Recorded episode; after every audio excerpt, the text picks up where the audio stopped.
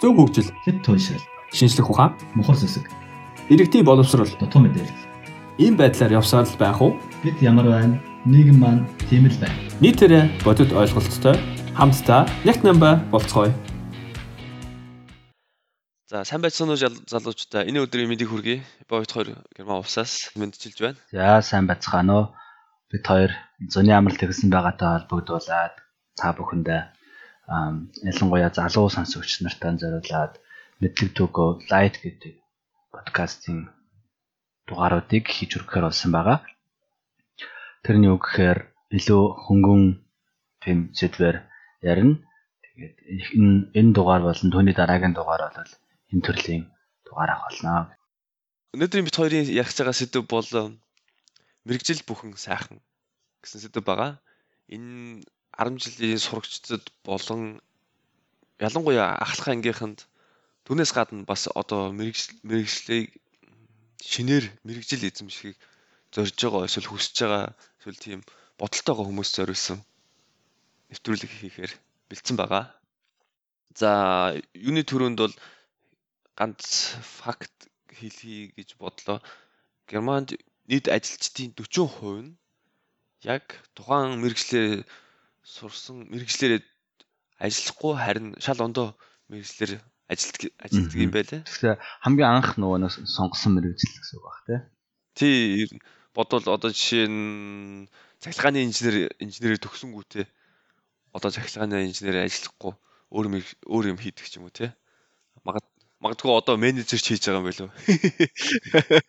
Хинч мэдэхгүй л аль тийм байна. Окей. За тэгвэл э, бажи хэлээч одоо ингээд мэрэгжлийг ингээд сонгоё суралцъя гэж бодоход ахлах ангийн сурагч нарт ер нь юуг хэлвэл зохистой вэ те юуг мэдвэл илүү хэрэгтэй юм болоо те тэр. За би бодвол мэрэгжил сонгох одоо сурагч одоо сонгох гэж байгаа хүний зүгээс бодох юм бол гэж бодож байна. Ямар ямар ам, байдгүй тэгээд бас өөрийнхөө хувийнхаа өнцгөөс бас зүйл нэмж хэлмээр байна.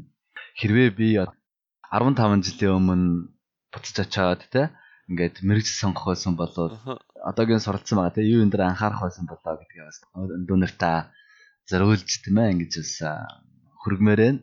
Магадгүй Мгм. энэ маань бас хэн нэгэнд ингээд тус болох юм бол би бас их баяртай байх ба. Тэгээ юун төрөнд бол ерөөсөө өөрийгөө олох гэдэг бол хамгийн чухал гэдэг.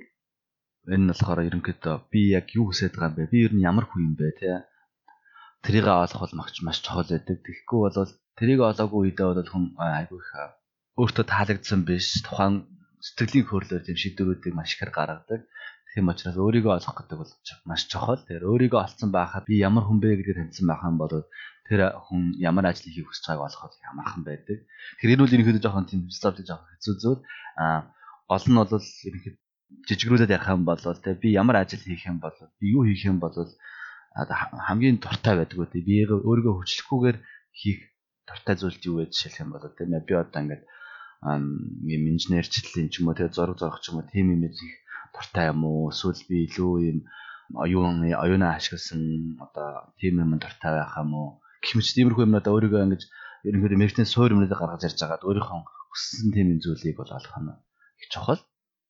За тэрэн дээр нэмээд хэлэх юм бол бас нөгөө нэг мэрэгчл сонгохдоо гаргадаг тодорхой хэмжээний одоо юу гэдэг буруу зүйлүүд тэ яаж болохгүй вэ гэдэг талаар бас ярих хүсэж байна. Тэ тэгэхээр бас мэрэгчл сонгоход гаргадаг алдаанууд дэдэнд бол юу байдаг вэ гэхээр мэрэгчлээ одоо хин нэгний нөлөөнд одоо хүчин зүйлээр одоо шийддэг те жишээлх юм бол Монгол их түгээмэл байдаг аав ээжүүд нь за миний хүү одоо те ийм мэрэгчлээ болвол их зүгээр гэж шүү гэж аав ээжүүд нь байнга хэлдэг ч гэдэг юм уу тэгээд нөх хүүхэд нь ямар юм хүсэж байгаа юу мөрөөддгийг мэдэхгүй мэдэхгүй хүмүүс асуугаагүй байж шууд тийм нэг мэрэгжил хаана газраас олж уншсан ч юм уу хэн нэгний хэлснээр мэрэгжил тулгадаг таад бас их байдаг хоёр дахь зүйл нь болохоор нөгөө нэг шүтдэг хөндлөлтөг ч юм уу те кино од ч юм уу эсвэл дуудсан эсвэл одоо тийм тийм хүнийхээ мэрэгчлийг бас а, доо- даг доорой сонгодог тал бас их байдаг. Одоо юу гэдэг те нөгөө нэг бидний үед одоо зочд буудлын эзэн гэдэг кино үзээд айгүй их олон хүмүүс тийм зочд буудлын менежер болох байсан гэж одоо тийм мэрэгч сонгож ирсэн гэдэг шиг бас Эсвэл нөгөө нэг хиттэй нэг лимп тоглоод идэх кино байдаг шүү дээ. Ямар кино вэ? Тэрийг үзчихэд бас айгүй олон залуучууд урт төстэй залуучууд сөөсрөө очиж лимпчин болохыг хүсчихсэн гэдэг шүү. Тэгэхээр бас тиймэрхүү юмнуудад бас их гардаг. Тухайн нийгмийн одоо цаг үеийн үүтэй холбоотойгоор хүнд бол нөлөөлж идэг гэсэн үг. Тэгэхээр одоо ялангуяа сүүлийн үед нийгмийн хүнд нөлөөлдөг тийм нөлөөллийн боломжууд бол бүр асар их болсон учраас тэрэнд бас их автдаг. Тэгээ өөрөө өөрөө мэдсэн мэдээгүй баг автчихдаг таацээ тий. Тийм учраас бас тэрэн дээр олон нэг харьцуулж хордноос харах хэрэгтэй. Ирээдүйд одоо ямар ямар мэрэгчлүүд илүү орж ирэх үү, ямар мэрэгчлүүд хэмжээ хомигдох уу, ямар мэрэгчлүүд ер нь бол багасах уу гэдэг талыг бас судлах хэрэгтэй. Тэгэхээр одоо харж харж байгаа нэг мэрэгчл сонгосон чинь тэр нь одоо 10 жилийн дараа ч юм 20 жилийн дараа одоо техник технологи хөгжил эсвэл энэ хүмүүсийн амьдралын хэм маягтай холбоотойгоор одоо байхгүй болох ч юм уу айгүй хумигдах болчих магадгүй тийм учраас тэрийг бас анхаарах хэрэгтэй. Мэдээж хэрэг ерөөсөө хязгаарч алга болдоггүй мэрэгчлүүд байна шүү дээ. Жишээлх юм бол эмч, багш ч юм уу те эсвэл архитектур ч юм уу те тиймэрхүү мэрэгчлүүд бол одоо ерөөсөө алга болдоггүй мэрэгчлүүд бас байгаа. За мэрэгчлэл сонгоход одоо өөр бас хүчин зүйлүүд юу байна вэ? Жишээлх юм бол сургалтын төлбөр бол бас чухал. Одоо хаана миний сургалтын төлбөр өөрийнхөө хувьд бодоод үзэн шүү дээ. За аав ээж миний боломжоор нь ямар байна вэ? Сургалтын төлбөрийг одоо 4 жилийн хугацаанд магадгүй 5 жилийн хугацаанд асуудалгүй төлөхийн тулд би ямар сургууль авах юм бол энэ асуудлыг хамгийн боломжтойгоор шийдэх байх боломж байна гэдгийг харах хэрэгтэй. Тэгэхээр зарим хүмүүс яаж анхаарат гэхээр өөрсдийнхөө боломжийг буруу тооцоосны улмаас их өндөр төлбөртэй сургуульд ороод ч юм уу Тэгээд тэрэн дээр одоо аав ээжтэй болон өөртөө одоо нэг сургуультай сурах 100% хичээлдээ анхаарах боломжийг бол алдагдуулдаг. Тэгснээр 100 ажил хийх юм уу эсвэл хичээлийнхээ хажуугаар ажил хийх шаардлага гарна. Аав ээж нь зээл авах эсвэл сургалтын төлбөрөнд дийлж чадахгүй одоо байр орноо зарах ч гэх юм иймэрхүү хүндрэл учраас буцаад нөгөө нэг гоё хөссөн сургуультай сурах маань асуудал болж эхлэх боломжтой байна. Чамаас л болж би одоо байраа зарсан ч гэдэг юм уу ингээд хэрүүл үүсгэж идэв юм уу юм хүмүүсд гарах боломжтой. Тийм учраас сургалтын төлбөрөө төлөхөд өөрхөн боломжийг одоо ирээдүйн 5 жил байх боломжийг бол тооцож үзэх хэрэгтэй. Тэгэхээр магадгүй одоо ингээд наатар санхүүгийн боломж нь сайн биш байх юм бол за окей манай аав ээжүүд одоо энэ дээр ийм төгрөгөл гаргаж чадах юм байна. Тийм учраас би бол тэтгэлэг авах боломжтой сургууль юу байна. Эсвэл одоо тэтгэлэг хамрагдах боломжууд юу байна. Эсвэл одоо хажуугаар ажил хийгээд явах боломжууд юу байна. Энийгээ бол сайхан гаргаж ирж бас нэг хүчин зүйл болох хэрэгтэй. Энэ бол 100% мэрэгч сонголт нөлөөлөх хэрэгтэй биш. Гэхдээ бол нэг төрлийн хүчин зүйл нь байх аа гэдэг юм байна. За мэрэгжил сонгохын тулд юу юу хийх хэрэгтэй вэ гэж байгаа тий. Тэгэхээр бол ямар мэрэгчлээ сурах гэж байгаа талаар бол маш сайн судлах хэрэгтэй. Юм хүм үзэж харах хэрэгтэй.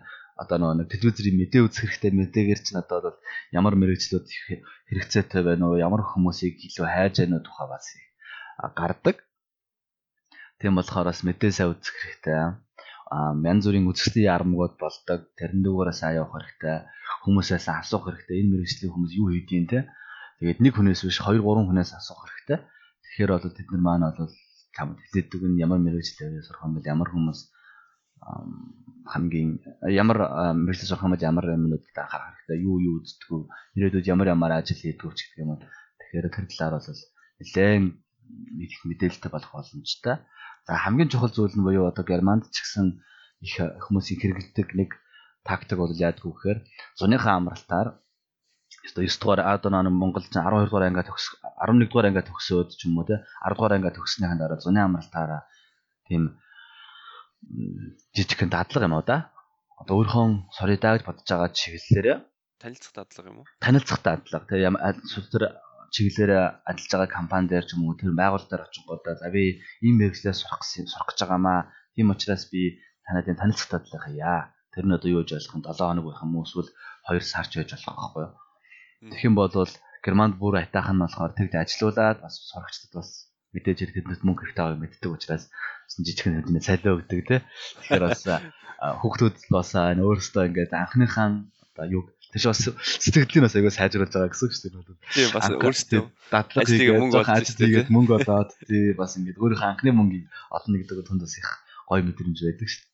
Тийм учраас бас тех нь бол их чухал байдаг. Тех юм бол яг тэр өөрийнх нь хүсэж байгаа мэрэгжил нь өмнө нь болохоор ингээл хамгийн гоё юмнуудыг харцсан тэр мөрөдөж байгаа мэрэгчлийг нь яг өдөр тутмын яаж харагддаг вэ гэдгийг бол сорж авах бол асар том боломж байдаг. Ингэснээр бол сонгож байгаа мэрэгжлийн сонголт бол айгүй сайн сууртай ирээдүйд одоо нэлээд тогтвортой байх магадaltaй шийдвэр болж байгаа. Бас нэг гараад идэг асуудалтай зүйл болохоор тэгд ярьдаг те энэ мэрэгчлийг сонгосон хүмүүс нэг баян хангалуун явдаг ч юм уу тийм юм ярьдаг. Энэ бол одоо маш бороо. Тэгэхээр тэр баян байгаа нь мэрэгчлээ шууд халбаатай мó халбаагүй мó тэр чин хүн баян байх нь бол өчнөө өөр зүйлээс хамааралтай байж болно шүү дээ. Тэрүүний ховийн зарчимж байдалж гэдэг дэ мөнгө хэмжин чаддаг эсвэл зөв шийдвэр гаргаж чаддаг тэр чадварууд нь нөлөөлсөн байна уу гэхээс зүгээр нэг ингээд мэрэгчл сонгоод шууд баян болчдөг гэдэг ойлголт бол байхгүй. Тэгэхээр мэрэгчл сонгоно гэдэг бол тэр хүний ирээдүйн амьдрал нэг тодорхой нэг хувь хувь хэмжээгээр нөлөө үзүүлнэ. Гэхдээ бол тухайн ирээдүйд ямар байх нь бол тэр хүнээс өөрөөс нь өөрөөр хэлэх юм бол тэр чамаас өөрөөс чинь хамаарна гэдгийг бодоод би болоод бас хэдийгээр хатаа сонсож байгаа гэсэн хэлмээрээ тийм нэг мэрэгсэл сонгоод сайн болцдог баян болцдог зүйл байхгүй гэдэг бас аа тий. За мэдээж хэрэг нэг мэрэгсэл сонгосон бол тэр мэрэгчлэрээ аль сургуульд сурах вэ гэдгээ сонгох хэвээр. Тэр бол мэдээж хэрэг улсын сургууль байж болно, хувийн сургууль байж болно, дотоодын сургууль байж болно, гадаадын сургууль байж болно. Эсвэл одоо дотоодын гадаадын сургуулийн хамтарсан хөтөлбөр байж болно.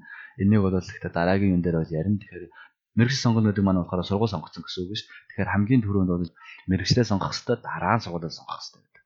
Тэм зарчмаар явах нь бол хамгийн зүйтэй. Аа.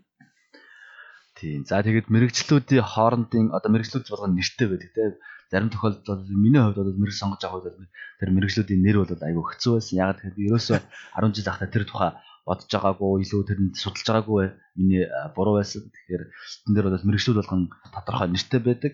Одоо бүх тэр мэрэгжлийг илэрхийлсэн тэр талаа сонирхож байгаагүй хүнд бол тэр мэрэгжлүүдийн нэр нь одоо хооронд нь салахад айгүй хэцүү байдаг. Тийм учраас мэрэгжил сонгохоо өмнө боловсролын яамны вебсайт болон эсвэл дээр стандартчлалын газрын вебсайтн дээрээс мэрэгжил мэрэгжил ажил ажлын байрны ангиллал гэдэг нэртэй тийм стандартыг барьж үзэх хэрэгтэй. Тэрэн дээр Монгол байдаг бүх мэрэгжлүүдийг чагсаацсан байдаг. Тэгээд ямар чиглэлд хамаарах уу гэдэг бүгдийг сайхан тайлбарлсан байдаг. Тийм учраас интернетээс сайхан хайж үзээд энэ мэрэгчлэр яг гэдэг нь юу нь яг ямар учиртай юм бэ гэдгийг судалж хэрэгтэй. Жишээ авах юм бол миний мэрэгчлэр Маркшадер гэдэг мэрэгчлийг одоо тэг 10 жил төгсөж байгаа хөөхд үтэй хэд олон жил энэ салбарт ажиллаж байсан хүмүүс ч гэсэн мэдэхгүй байх тохиолдол байдаг. Тэгэхээр одоо тэр мэрэгжлийн тэр юу нь одоо хэцүү байх тохиолдол их байдаг. Одоо шууд мэдэхгүй байх. Тийм учраас гадаад нэр яваад байдаг? Тий, айгүй болон гадаад нэр байдаг. Тийм учраас бол энийг судалж үзэх хэрэгтэй. Тэгээд мэрэгжлийн гол чиглэлээ авцсан байхад бол дараа нь мэрэгжлийн нэр юу гэж судлах гэдэг энэ одоо яг юу хэлэх гээд байгаа юм бэ? Интернет монголоор ч байж байгаа, англиар ч байж байгаа. Тэг өөр хэлдэж гэсэн байж байгаа. Тийм учраас энэ бол цоо шин зүйл шүү. Тэгэхээр тэрийг сайн хооронд нь сатгад судлах хэрэгтэй гэж тийм. Жишээлх юм бол одоо Монголд тархацсан зүйл шүү дээ. Олон улсын гэдэг үг оролцсон тийм. Оо харин тийм. Тий одоо юу гэдэг олон улсын аялал жуулчлал, олон улсын бизнес удирдлага, олон улсын одоо маркетинг гэдэг юм уу те? Олон улсын эдийн засагч гэдэг юм уу те? Тэгэхээр яг тэр хичээлийнх нь сургууль дээр одоо тэр зааж байгаа хичээл тэр олон улсын байгаа мó гүм үү эсвэл тэр дараа нь сургуулийнхаа согсныхын дараа тэр нь яг олон улс хүчнтэй байх юм уу хүчингүй байх юм уу те? Тэр бол шууд нэрийн тэр дараагийнханд сургуулийн эсвэл тэр цар хүрээ царааг нь бол хэлж байгаа гэсэн үг бол биш. Тийм учраас сүүлийн үед яг анзаараад байхад бас амар тийм. Олон улсын гэдэг нэрээр юмыг хийж бараг л ер нь бол хурам эхэлж байгаа хардаад идэв ачаад байгаа. Тийм учраас тийм юмд бити ораарай гэж хүсмээр байна. Яаж тийм юмд орохгүй байх вэ гэдэг нь бол өөрөө сайн судалсан, өөрөө илүү нэг мэдчихэж тийм онцгой юмд одоо тийм энгийн хууралтуудад бол орохгүй байх. Магадлалтай нэ. Тийм магадлалтай тийм учраас өөрөө сайн судалж мэдэх хэрэгтэй. Өөрөө өөрийнхөө хувь заяаны эзэн байх хэрэгтэй. Аа магадгүй ээж аваасаа бас асуух хэрэгтэй байх л та нэр энэ олон улсын гэсэн энэ мэрэгжил мэрэгчлэр яг Монголд ажиллах боломж байгаа мó юу юм. Зүгээр ингээд сурчдаг. Яг ингээд тухайн мэрэгчлэр төгсөөд ажлыг гэхээр тийм ер нь байгуулга нь байдгүй ч юм уу те. Эсвэл байлаа гэхэд ганц хоёр тэгээд боломж нь бага. Тэгэхээр чин тэр мэрэгчлэр ажиллах боломжгүй болчих жоох. Монгол ч одоо олон улстай яаж одоо хоёрхан хөрштэй. Тэгээ олон улсын бизнесийн чиглэлээр ч юм уу 8 ч юм ямар нэг юм хийлээ гэж бодоход тийм байгууллага байгаа юу те үгүй юу эсвэл зүгээр дотооддоо л юм хийдэг ч юм уу те. Тэгэхээр ч одоо Тийм шүү дээ. Ер нь бол хэцүү шүү дээ. тэрийг бол бас яг мэддэг хүнээс асуухтай сургуулийн хаан хүнээс асуух хэрэгтэй. Аа түрүү нэг юм хэлцээ марцсан биш. Найзууд хоорондоо аа нэг аа, адилхан мэрэгэл сонгох магадлал амар өндөртэй байдаг. 10 жил хамт зорж ирсэн. Их сургуульд хамт сураад бүгдээрээ дараа нэрдэд хамт юм хийж гэдэг юм. Тиймэрхүү зүйлүүд их байдаг. Яг магадгүй тийм тохиолдол байж болно. А миний хэлэхэд байгаа зүйл нь болохоор муугаар бодоод үзээ л дээ. Нэг нь ингээд муу судлаад ч юм уу буруу судлаад одоо маркетинг гэдэг мэргэжил сонгочоод маркетинг гэдэг мэргэжил сонгочлоо бодъё л да. Тэгэх юм бол нөгөө найзууд нь дуурайгаад нөгөө маркетинг сонгочихсон бүгдээрээ хүмүүс чинь маркетинг судлаад явчих хөөч гэдэг юм уу те. Эсвэл маркетинг сонгоцоод маркетинг гэдэг мэргэжил сонгочихоо. Ингээд ийм нэг нь буруу шийдэл гаргасан бол бусдаар бүгдээрээ ингээд дагаад те буруу шийдэл гаргаж болохгүй тийм учраас бүгдээрээ сайн судлах хэрэгтэй. Тэрийгээ бол асуух боломжуудаас хаасаагүй байдаг шүү дээ. Аав ээжээс асууж болно, ах эгч нараас асууж болно. А яаж асуухтаа би ямар мэрэгчтэй болохыг асуух биш гол нь би ийм ийм мэрэгчээ судлаа. Энэ дээр таны бодол юу байна вэ? Одоо энэ энийг ямар энэ мэрэгчээ сурвал хайр нь ямар боломжууд байгааг бодож байна вэ? Иймэрхүү байдлаар асууна уу гэхээс би энэгээр сурах уу сурахгүй юу гэсэн бол бүх хүмүүс өөрийнхөө таалагддаг мэрэгчдийг л энэгээр сурлаж хэлэх байх. Тэгэхээр Шууд сурсороо. Тий, амар тийм тодорхой асуултуудыг асуугаад тэн дээр ингээд өөртөө ингээд шийдвэр гаргахтаа л тусламж авна уу гэхээс шийдвэрээ гаргуулаа гэсэн үг биш аах. Тэгэхээр нөгөө хүн чинь чиний өмнөөс сурах чиний өмнөөс ажиллах биш. Тэгэхээр өөртөө таалагддаг мэрэгчлийг эсвэл өөртөө хамгийн гол санагдсан мэрэгчлээ энийг сурах хэрэгтэй гэж хэлэх баг. Тэр хүнээс тийм шийдвэрүүд эцэст нь бол чи өөрөө гаргана. А хүнээс сонсч болно, багшаасаа асууж болно, аав ээжээсээ асууж болно, ах эгчээсээ асууж болно, найзуудаасаа асууж болно. м, Сургуулийнхаа нийгмийн ажилтангаас асууж болно өөр одоо хэн бэдийн асуух боломжтой бүхэн байж бүхнээс асууж байна. Би тэрээс асууж байна. Тэгэх юм бол яг энэ мэрэгчлээ сур гэж хэлэхгүй. А гол нь гол нь бол энэ мэрэгчлэр сурах юм бол чамд ийм боломж байна. Энэ мэрэгчлэл ер нь ирээдүйд ийм байна гэх тэр хүмүүс илүү мэдлэгтэй мэдээлэлтэй байгаа учраас тэгэхээр тэр тал дээр нь илүү тусалж байгаараа тэрнээс шууд энэ мэрэгчлэр сурах сураарай. Энэ мэрэгчлэр сур гэж битгий хэлж байгаараа. Энэ маань бол нөгөө хүнд айгу хэцүү болдог. Тийм учраас шийдвэр гаргахад нь тусална уу гэхээс өмнөөс нь битээ шийдвэр гаргацгаарай гэж аав ээж нарт нь агч нарт нь захимаар байна. Тэглэв ш. Окей. За сурагч нар маань ингээд өөрийнхөө эмэглийг сонгоод юугаар сурахаар ингээд мэдчихлээ. Тэ. Тэгэх юм бол дараа нь одоо тэр суралцах боломжууд нь юу байна вэ? Ямар ямар суралцах боломжууд ер нь байд юм бэ? Тэр талаар зөв жоох ярьж байгаа. Дэд сургууль байна те. Аа. Тэгээд түүнээс гадна бас коллеж мэрэгжил сургалт үйлдвэрлэлийн төв гэдэг гэх мэтлэнгээр олон төрлийн боломжууд байна л да. Аа. Тэгээд энэ энэ маань дотроо бас хоёр хуваагдаад хуваагдаад улсын сургууль эсвэл хувийн сургууль те. Аа. Магадгүй улсын сургууль нь жоохон төлбөр багтай, хувийн сургууль нь төлбөр өндөртэй ч байх боломжтой. Эсвэл магадгүй хувийн сургууль нь илүү хямдхан байх ч боломж байгаа л хальта зарим тохиолдолд. Тэгээд сүүл Монгол улсаас нөгөө мэрэгжил сургалт үйлдвэрлэлийн төвийг дэмжиж тэр нь бүр стипендтэй болж молоодсэн. Тэрэнд бол би амар их баярлсан. Тий шүү тэр өстэй гэсэн. Яа яагаад гэвэл хүн болгон ихтэй сургууль сурах шаардлагагүй тий. Хүн болгон эмч байх албагүй. Хүн болгон хуульч байх албагүй тий. Энд чинь нийгэм чинь тэр чигтээ цогц болохоор бүх мэрэгжил хэрэг хэрэгтэй байгаа тий. Тэгээд хамгийн гол нь хамгийн гол нь өөрөө яг юу юу хийвэл хүсэж जैन тий. Тэр тэрнийхээ дагуу л тэр мэрэгжлээ сонгоод тэгээд сэтгэл хангалуун л амьдрах нь амьдрах нь хамгийн чухал юм болоо тий. Тэгээд нэг ганц хоёр тоог бас нэрэ харьцуулж хэлье гэж бодлоо. Ер нь бол насных нь англиар англиар ингээ авч үзээ л. Жишээ нь 18-аас 35 настай хүмүүсийн хүмүүс хүмүүс ер нь оюут хэр их оюутан байна, хэр хэр их хүн ажиллаж ийн гэдэг яг хуу чаддгаараа германтай л харьцууллаа. Тэгээд байгаа 18-аас 35 насны хүмүүсийн нийт 13% нь л ихтэй сургууль сурд юм а да. А тэгээд хүмүүс гайхчихж магадгүй яагаад 18-аас 35 хүртэл ингээд гээд ихтэй сургууль сурч ийн гэдэг. Харин л би бас асуугачлаа. Германд 30 30 хүртэл эсвэл 30 гартлаа ихтэй сургууль сурах нь бол энгийн үзэгдэл байдаг. Нэгсэндээ Монголд бол яг мэдээж төгсөөл ихтэй сургуульд ороод 4 жилийн дотор баг 22 23 баг 23 хүрэхгүй л ихтэй сургууль төгсөөл ажилчдаг бол энд бол эхлээд ихтэй сургуульд орохгүйгээр зүгээр жирийн сургуульт мургуултанд явдаг ч юм уу эсвэл гадаа гшаад явдаг эсвэл ажил хийдэг. Тэгээд дараа нь ихтэй сургуульд орох тохиолдол маш их байдаг учраас тэгж харчилсан шүү. Тэгээ Монголтой харьцуулсан чинь бас ялгаагүй л санагдсан. 18-аас 35 насны 15% нь л оюутан байсан шүү нэр.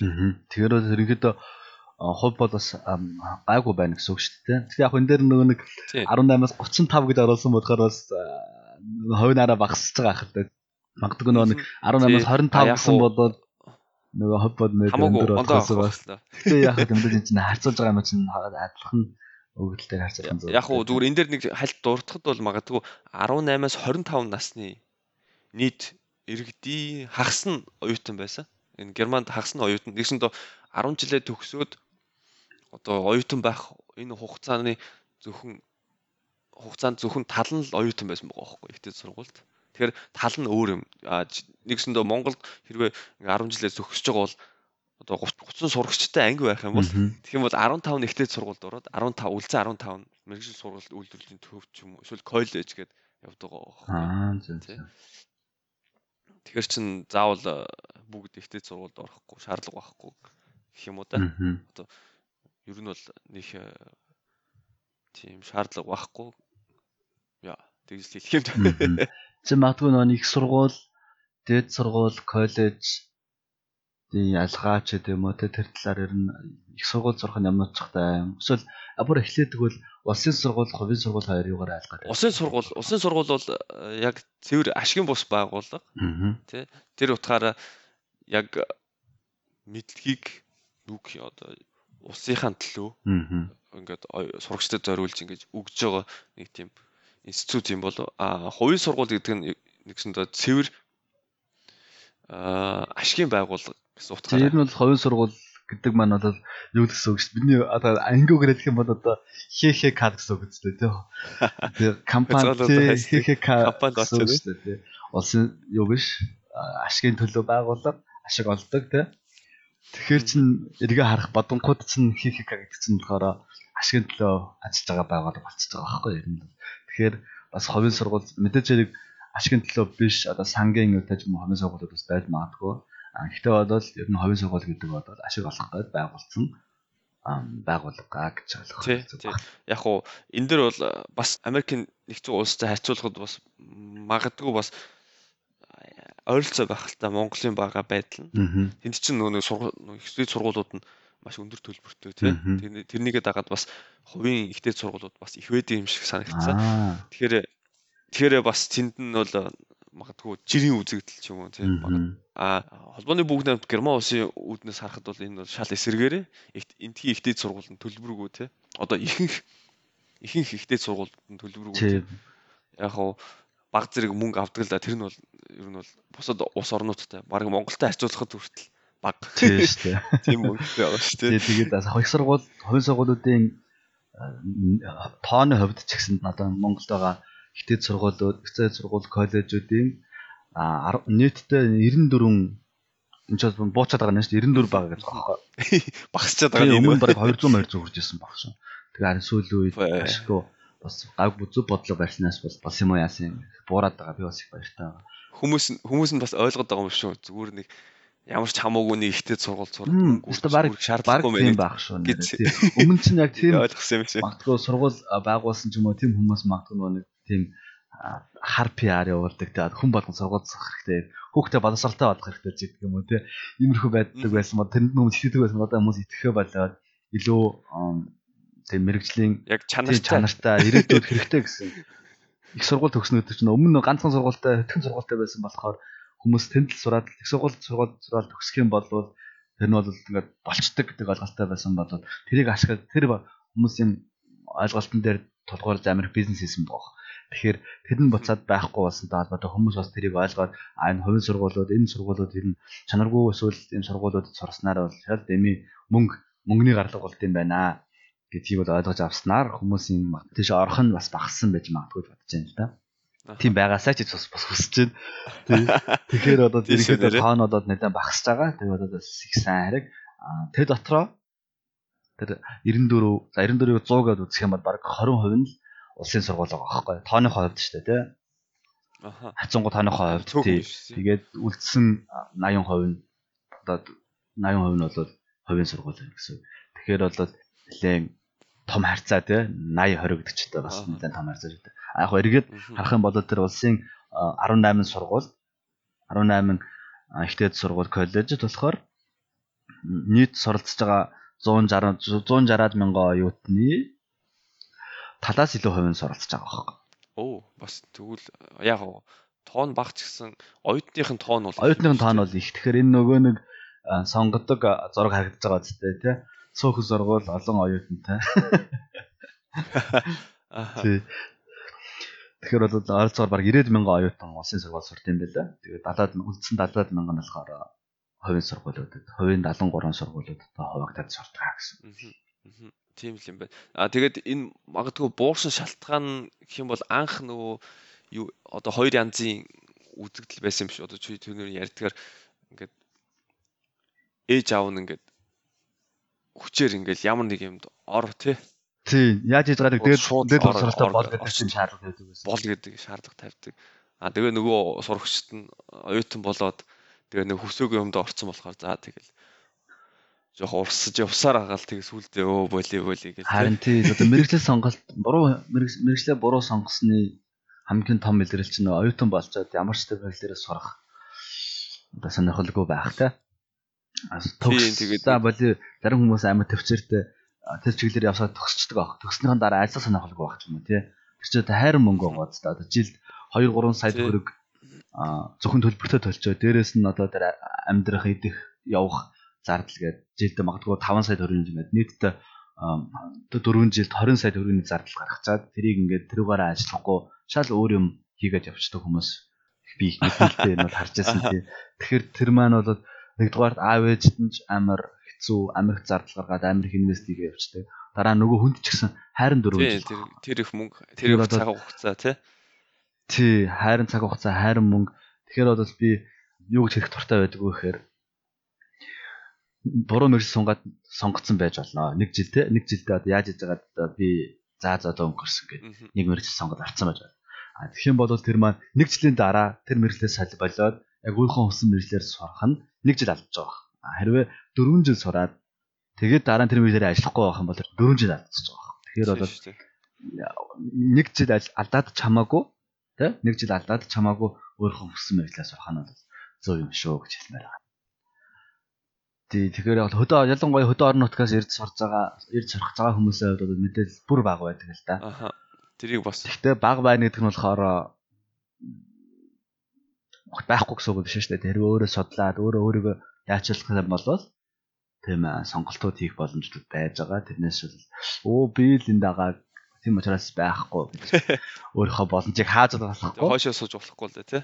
Тий магадгүй тэгээд түрүүний хэлснээр тий нэг жил нэг жил одоо нөгөө нэг сурах байгаа газараа ирээд эсвэл суралц сурсныхаа дараа ажиллах байгаа газараа очиод тийм дадлага хийгээд ч юм уу тий танилцах дадлага хийгээд эсвэл бүр болохгүй бол дагалдаа хийгээд ч юм уу ингээд үзэх хэрэгтэй баг. Тэгээд яг би тэр мэрэгчлэр сурах гэдэг мэрэгчлэр би үнэхээр энийг чадах юм уу? Надад тэр чадах тэр чадвар нь тэр өгөгдөл нь байгаа мó? Эсвэл би энийг яг ингэ сонирхож исэн, миний сонирхож исэн, бодож исэн та адилхан байна уугүй юу гэдгийг харьцуулах боломж үүсэх учраас тэрийг бол бас би их чухал гэж харж байгаа. Тийм байна. Окей, ба а түүнээс гадна нэр нэг юм мартсан байх шүү. А хосонсон сургалт гэж бас нэг юм байдаг тий. Нэгсэндөө ажиллаад ажлыг хайжгаар сурдаг.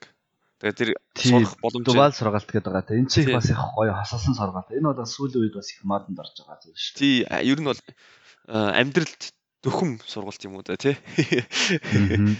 Яг боловсрлоо хажуугаар нь аваад тэгээд түүнээс гадна бас давхар ажлын мэдлэг боловсралтай бас болчихж байгаа байхгүй тий. Энэ ч одоо нэг төрлийн цалинтай оюутан гэсэн үг шүү дээ. Хоёр хоёр өдөр ажиллаад хоёр өдөр ажиллаад гурван өдөр сургуулаа сурдаг ч юм уу те.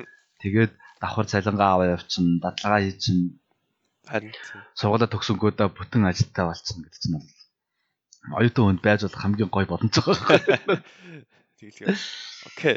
Тэгэхээр нөгөө компанида ч гэсэн амар ашигтай. Ягаад тэгэхээр нэг оюутныг бүр ингээд бүр багаас нь ингээд одоо өөрийнхөө компани соёл, компани үйл ажиллагаанд нэгтгэхэд оролцож гэнэ гэсэн үг ш. Тэгэл 4 жилийн дараа тэр оюутан төгсчөхөд амар өндөр мэрэгжсэн тэгээ дээрэс нь компанийнхаа үйл ажиллагаа бүх юмыг мэддэг, ажлаа мэддэг ийм хүнийг өөр дээрээ салиу өгөөд багахан мөнгө өгөөд өөр мэрэгчлэнтэй ажиллах юм бол бага мөнгөөр том үн цэнийг бий болгож чадчих байгаа байхгүй. Тэгэхээр манай компаниуд ч гэсэн энэ тал дээр бас илүү анхаарж энэ хослсон сургалтыг нэвтрүүлэх юм бол сургууль үйлдвэрлэл, сургууль компани, сургууль хувийн хөвшлийн хамтын ажиллагааг бол маш бэхжүүлдэг.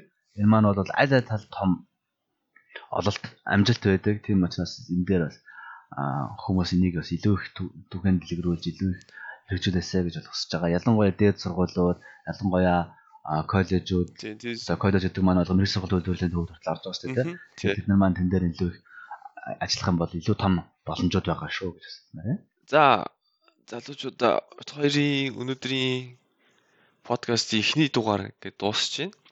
А бид хоёр өнөөдөр ерөнхийдөө сурагчнаас зориулаад мэрэгчлээ яаж сонгох уу, ямар сургуульд орох боломжтой, мэрэгчлээ сонгохдоо юу юу анхаарах уу гэх мэтлэнгээр бид хоёрын зүгээс та нарт туслахаар зөвлөгөө өгсөн байгаа. А тэгээд дараагийн дугаараас магадгүй оюутнууд болон сурч байгаа эсвэл төгссөн ч юм уу тийм хүмүүс зориулаад зөвлөгөө байгаа. Тэр нь болохоор гадаад сурах боломж тэгээ герман улсаас сурах бол сурах боломжтой юу юу байна. Тэгээд ажил олгогч талаас ямар ямар шаардлага тавьдаг тэнд бид нар яаж би өөрсдөө бэлдэх талаар хэлсэн байгаа.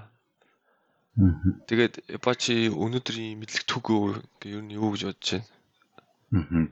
За тэгээ өнөөдрийн та бүхэнд бид хоёрын зүгээс өгч болох мэдлэг түгөө маань бол гурван гурван мэдлэг түгөө байгаа. Нэг нь бол мэрэгч сонголтоо бол өмнө нь бодохдоо бид нарында нэг өдрийн л одоо тэ нэг өдөр очих юу яагаад сургууль дээр очиод ингээл нэг өдрийн л сонголт гэж боддог байсан бол энэ маань бол конкурстай л тий.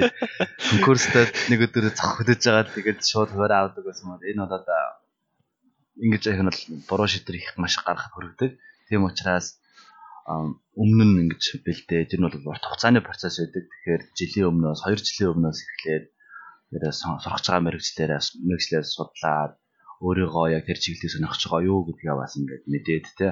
Ингээд 10 12 дугаар ангиа төгсөхдөө болоод ерөнхийдөө ямар мэрэгч сонгохоо бүрэн мэдсэн байх нь бол их чухал. Тэр жилдээ орж чадахгүй байж болно. Тэр нь бол асуудал биш. Тэгэх юм бол дараа жил нь ч юм уу ингээд орж болно те. Тэгэхээр өөрийнхөө сонгосон мэрэгчлэр өөрийнхөө хүссэн мэрэгчлээс орно гэдэг бас өөр аяг чухал учраас мэрэгжил сонголтыг битгий нэг өдрийн процесс шийд нэг өдрийн шийдвэр гэж бодоорой. Маань бол урт хугацааны процесс тэгээд эцэст нь гаргасан шийдвэр байх хэвээр. За тэгээд хоёр дахь нь бас их чухал. Яг тэгэхээр мэрэгжил сонгоход ихэд янз бүрийн хүмүүсээс асуун тий аав ээжээсээ асуун ах ээжээсээ асуун найз нөхдөдөөсөө асуун багш нараасаа асуун а тэр хүмүүс янз бүрийн юм хэлнэ янз бүрийн зөвлөгөө өгөн зарим нь тэ маш гоё зөвлөгөө өгөх байх гэж бас найдаж байна. Ер нь бол өгдөг тий. А гэхдээ яг ямар мэрэгжил сонгох вэ гэдэг шийдвэр бол таны өөрөө чинь шийдвэр авах хэрэгтэй. Тэгэхээр бүх хүмүүсийн шийдвэрийг гоё хүлээстэй сонсоод давуу сул талуудыг бичиж аваад дараа нь харьцуулж харж байгаа тэрнийхэн үндсэн дээр яг өөрийнхөө шийдвэрийг гаргаарай. Тэгэхгүй бол хэн нэгний шийдвэр хэн нэгний амьдралаар амьдрахгүй тийм учраас та өөрөө өөрийгөө би ямар хүн бэ? Би юу хүсдэг вэ? Юу хүсэж байна гэдгийг хараад тэгээд шийдвэрээ өөрийн өөрийн шийдвэрээ гаргах хэрэгтэй шүү. Тэрийг бол би бас их чухал гэж байна. За. За гурав дахын чи хэлэх үү? Аа тэгээ. А гурав дахь нь болохоор ер нь л одоо ингээд сурч байгаа ч юм уу эсвэл шинээр сурах гэж байгаа дихтэй яг өөрийн хүссэн хуурай авч чадаагүй ч юм уу тийм хүн байх юм бол заавал сурах шаардлагагүй. Зүгээр нэг жил өнжчих тий. Тэгээ дараа жил нь дахиад конкурстаад энэ дэр бол би нэг жишээ авах гэж байна л да. Одоо энд манай 10 жилийн нэг найз байсан. А тэр нь болохоор Монгол Улсын их сургуулийн хуулийн ангид орох сонирхолтой, хуульч болох, өмгөөлөгч болох ч юм уу тийм сонирхолтой байсан байгаа. Тэгээд тухайн үед конкурстаад хуурай авч чадаагүй. Аа. Тэгээд яг уу тухайн үед чинь тэгэл нэг ороод нэг юм аваад гарсан байгаа байхгүй юу? Тэгсэн чинь хүмүүс болохоор за хамаагүй зүгээр наадаараа орчих тэгээ сурчих тэгээ явандаа болчихно гэл. Тэгээ тухайн үед тэр залуу э, мэдгүй хин тэгж хийсэн ер нь болий те энэ жил болчих. Заавал би сургуульд сураад үсгүй юмараа сураад тэгээ мөнгө өрөө цаг өрөөд байж хахаар зөв нэг жил өнччихгээд тэгээд цаа чи нэг жил өнжөөд тэгээд дуны амралтаараа эсвэл баян ерөнхийдөө хэлний курс мөрс ч юм өөрийгөө хөгжүүлэх маягаар явсан байлээ.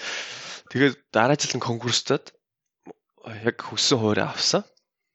Аа ямар гоё. Харин тийм тэгэхээр тухайн үед хүмүүс зарим хүмүүс хэлчихсэн байхгүй чи одоо юу хийгээд байгаа тий.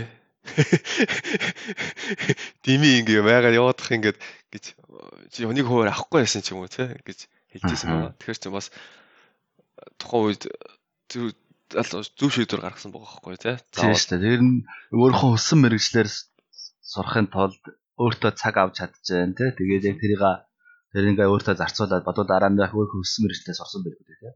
Мгм. Тийм. Тийм Одоо юу хийж байгаа болоо? Одоо одоо аа, нэг хэсэг хуурай өмгөөлөгч хийдэг байсан. Тэгээ сүүлд төрийн албанд зөвлөх хөлөө тэр хавцаа ерөөхдөө бас нэлээд том юм хийж байгаа юм том ажил хийж байгаа юм санагдсан тий. Ааха. Тэр чинь одоо улсын ажил болохоор бас- хамаагүй би тиймэрхүү юмд аа, хэлмээргүй ч гэсэн. Нэг тийм ээжээс тий. Мм. Тэгэхээр энэ бас гоё юу ба штэ. Түүх ба штэ тий. Харин тий. Хүн өөрөө өөрийнхөө төлөө цаг зарцуулаад хүссэн мэрэгчлэрээ сураад тэрэндээ бол сэтгэл хангалуун байгаа учраас тэр нь өөрийнхөө хүссэн мэрэгчлэр сурна ажилтна гэдэг бодоод өөрөө дараа нь урт хугацаанд амар өгөөжтэй илүү амжилт гаргах магадaltaй тий. Мгм. Харин тий хэлээд өгөхгүй. Тийм гоё.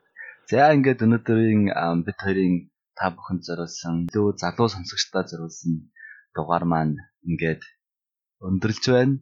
Тэгээ та бүхэндээ бүхэнтэй дараагийн дугаараараа уулзах тавал маш баяртай байна. Ийм байдлаар явсаар л байх уу? Бид ямар байна? Нийгэм маань тийм л байна. Нийтээрээ бодит ойлголттой хамтдаа нэг намба болцгоё.